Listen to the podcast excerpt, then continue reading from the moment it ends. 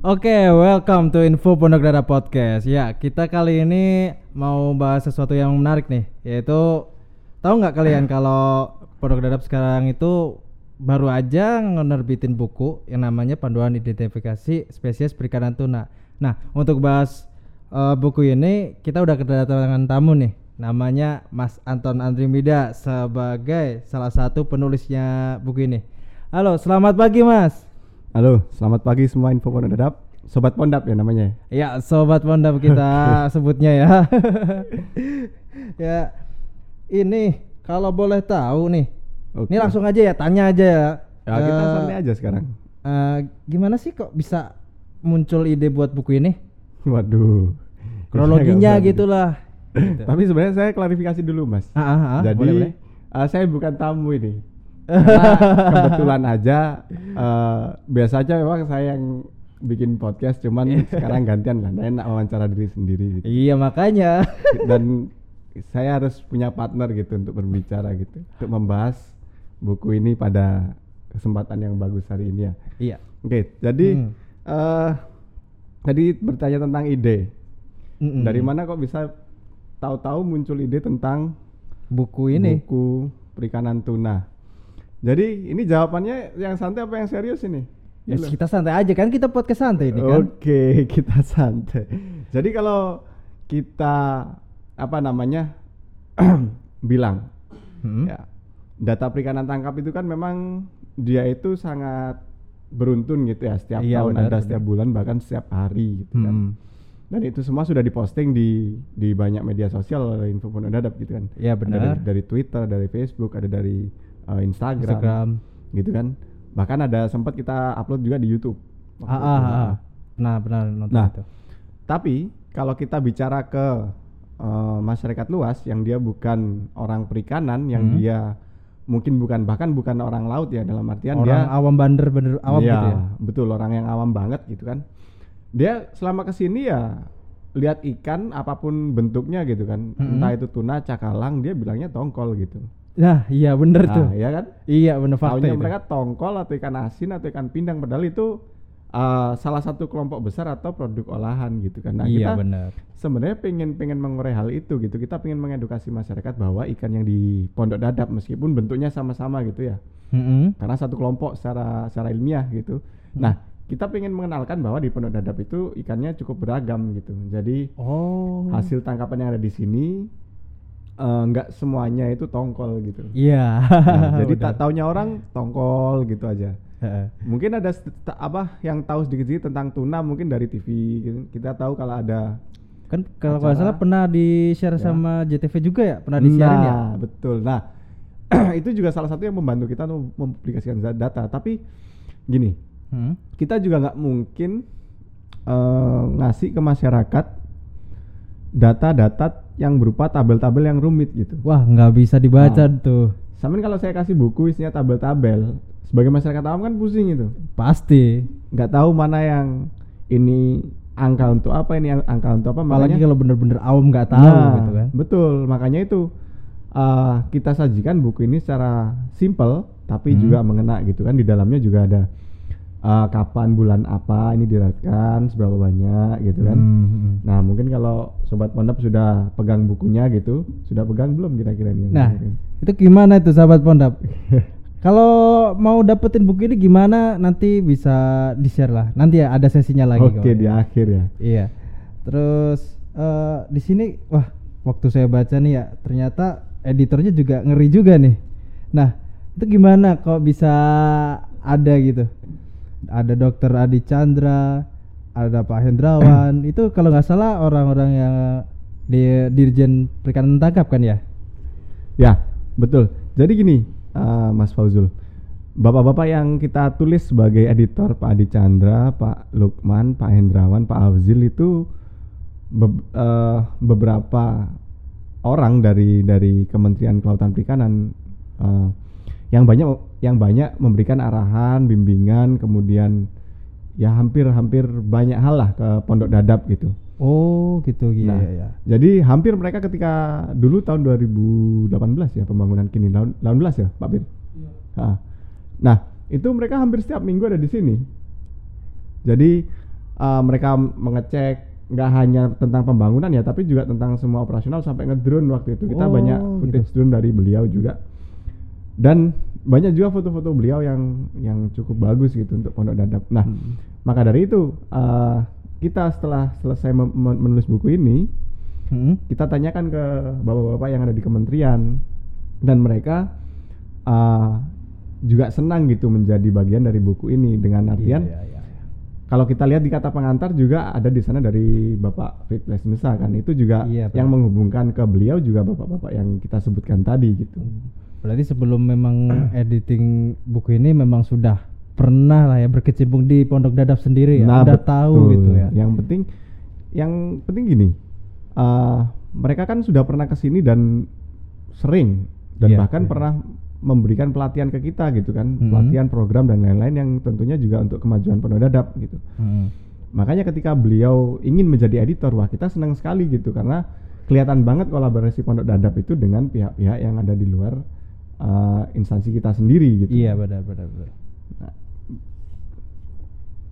Wih, ini kalau dilihat dari bukunya juga nih, hmm. ini semua foto foto sendiri mas ya berarti nggak bukan data dari ngambil dari internet gitu kan ya? Nah, kalau datanya itu kita ambil data sendiri, tapi kalau foto-foto ya kita nggak bisa bilang semuanya itu full punya kita ya. Mm-mm. Jadi kemungkinan ya sebagian juga ada yang kita ambil dari internet dalam artian gini.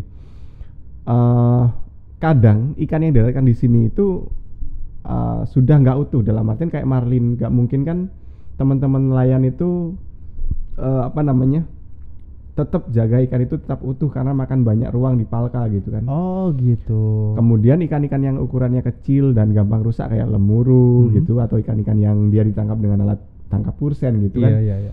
Itu juga banyak yang ketika mendarat Mm-mm. eh, ada yang posenya nggak pas Hmm. gitu atau mungkin ada yang sisinya sudah kelupas atau s- Iya, siripnya udah kepotong kayak gitu. Nah, jadi beberapa memang banyak dari foto-foto itu yang kita ambil dari internet tapi kita sertakan sumbernya gitu. Nah, Oh gitu. tapi ya. kalau untuk ikan-ikan yang langka, ikan-ikan yang eh, rare spesies ya dalam artian dia susah untuk ditemukan, bukan langka ya.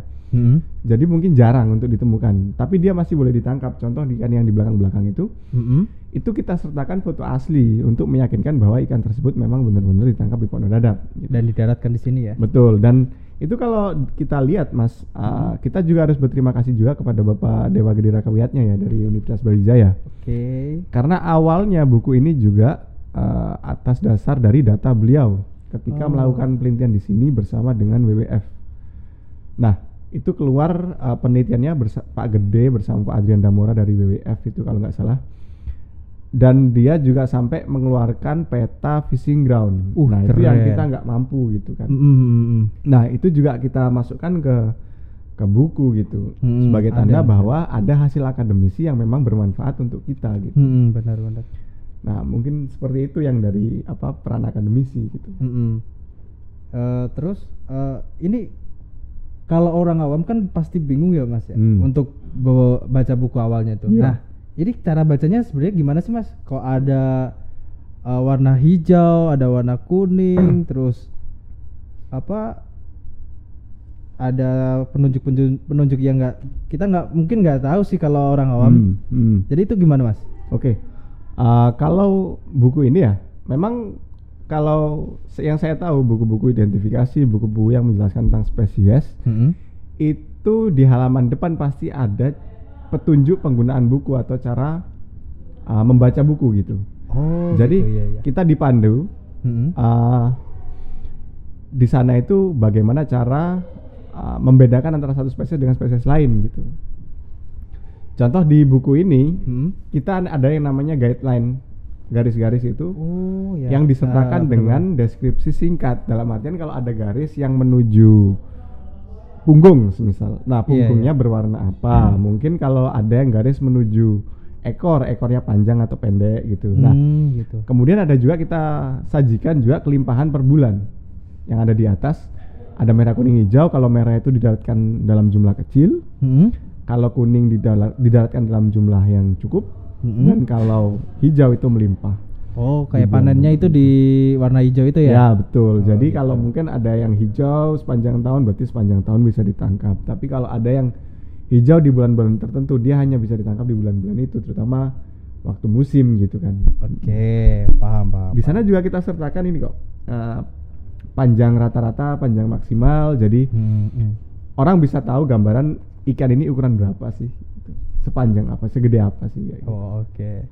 Jadi kalau kalian baca ya teman eh, sahabat Pondap, ini deskripsi deskripsinya tuh sedikit banget ya.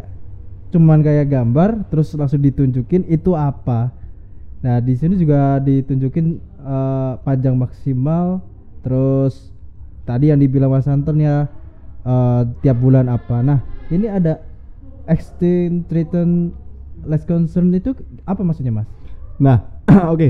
Kalau kita bicara tentang stok perikanan, kita juga Hmm. nggak lepas dengan yang namanya status keterancaman gitu kan. Jangan Iya. sampai ikan yang kita tangkap itu ikan-ikan yang terancam. Oh, gitu. Jadi kalau di atas ada LC, ada VU, ada IN itu Mm-mm. adalah status keterancaman yang dirilis oleh IUCN. Dia IUCN itu lembaga konservasi internasional Mm-mm. yang mengeluarkan red list dalam artian hewan-hewan atau tumbuhan-tumbuhan mana yang terancam oleh kepunahan gitu. Nah, Oh gitu ya. rata-rata di Pondok Dadap gitu ikan-ikan yang ditangkap itu masih ada dalam eh, rentang LC list concern atau lestari gitu kan Hmm. nah itu berdasarkan dari assessment mereka yang paling baru Iya. jadi eh, kita juga memonitoring jangan sampai ada ikan-ikan langka atau ikan-ikan yang terancam punah ditangkap di perairan Pondok Dadap gitu Oh, Nah, kita gitu. nggak menginginkan itu Iya iya. iya. Terus ini cuman ikan-ikan semacam tuna gitu kah, Mas, eh, yang ada di Pondok Dadap? Atau Hmm. ada jenis-jenis lain yang muncul atau didaratkan di sini? Oh enggak, jadi enggak enggak hanya tuna. Kita, kalau kita bi- bicara perikanan tuna, kita mu- mungkin terpaku ya dengan dengan dengan kata tuna padahal Iya, perikanan benar, tuna makanya itu. Nah, perikanan tuna itu enggak hanya tuna tapi juga spesies lain yang juga ada di sekitaran perikanan tersebut dalam artian gini. Hmm, gitu. Ada ecological related species kalau bahasa Inggris itu atau spesies yang terikat secara ekologi. Dia ruang hidupnya sama, makanannya sama dengan tuna. Jadi ketika kapal tuna beroperasi di sana, kemungkinan besar ikan itu akan tertangkap juga gitu. Oh, gitu. Loh, di statistik perikanan bahkan Mhm. ikan marlin itu masuk kategori tuna loh. Begitu ya malah Iya, ya. karena- Meskipun karena- berparuh gitu ya. Betul. Jadi ketika di data statistik peri- perikanan apa namanya nasional dilihat Hmm. ikan marlin itu masuk kategori ikan tuna. Padahal kan secara bentuk, secara daging dia Iya. lain gitu kan. Kayak beda gitu kan, satu berparuh, Banget. satu Nah, enggak. enggak gitu. Iya. Nah, nggak juga nggak nggak hanya itu kita juga eh, mendata tentang bycatch atau Mm-mm. tangkapan samping hasil Mm. tangkapan samping kalau bahasa Indonesia. Jadi dia bukan ikan target karena di sini perikanan tuna targetnya jelas tuna, tongkol Iya, dan cakalang gitu kan. Iya, PTC gitu kan. Nah, tapi kalau ada ikan seperti layang, lemuru, kemudian ikan swanggi, ikan Mhm. ikan daun bambu gitu kan, Iya, ikan benar. sunglir, itu juga kita masukkan ke data tersebut karena nggak bisa kita pungkiri ikan itu juga tertangkap kok di sini. Oh, berarti emang sering banget juga didaratkan di pelabuhan Pondok Dadap ini ya, Mas ya? Betul. Jadi juga bahkan layang itu uh, kalau setiap tahun proporsi pendaratannya itu Iya. hampir mirip dengan ikan tuna. Jadi berimbang gitu. Iya, untuk, jadi eh, volume produksinya. Betul. Jadi tapi untuk harga lain ya. Iya, Karena harga per kilo volumenya aja dulu. Betul. Kalau harga per kilo ikan tuna mungkin bisa sampai lima kali harga ikan layang gitu. Iya benar. Soalnya kan memang dari ukuran juga beda sih mas. Ya, mungkin dan dari market juga beda mereka. Eh, wih, sumpah guys, kalau kalian ba- baca buku ini pasti bagus deh. Ini bisa nambah wawasan dan ilmu kalian juga.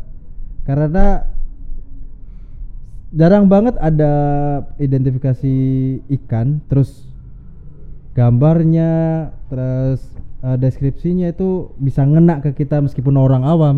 Hmm. Nah, terus terakhir mas, yang ta- saya tanyakan tadi ya, Iya. Itu cara dapetin buku ini gimana sih mas?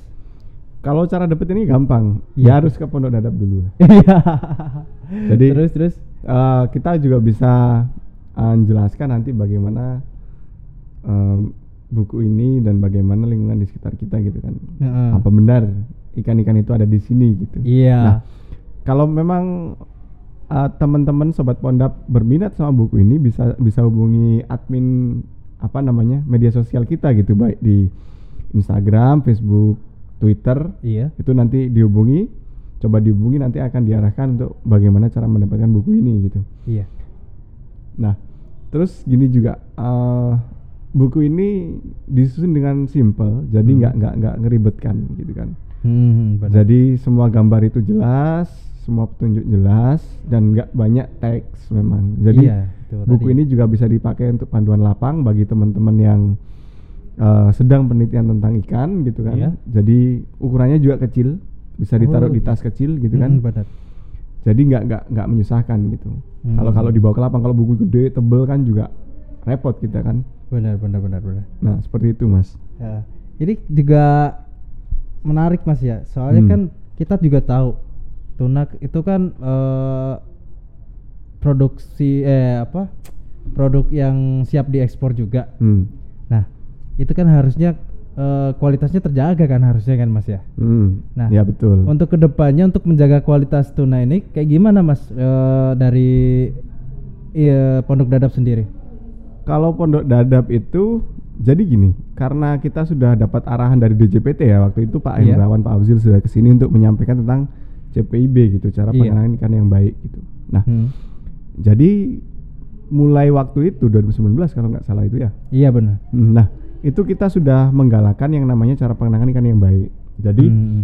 ikan tuna karena dia dia uh, salah satu ikan yang rentan mengalami kerusakan gitu kan. Iya. Jadi kita selalu uh, memberikan arahan kepada nelayan, kita sertifikasi, kita kasih pelatihan gitu Hmm. untuk dapat menjaga ikan yang ditangkap sampai ke proses pendaratan gitu. Nah, oh gitu.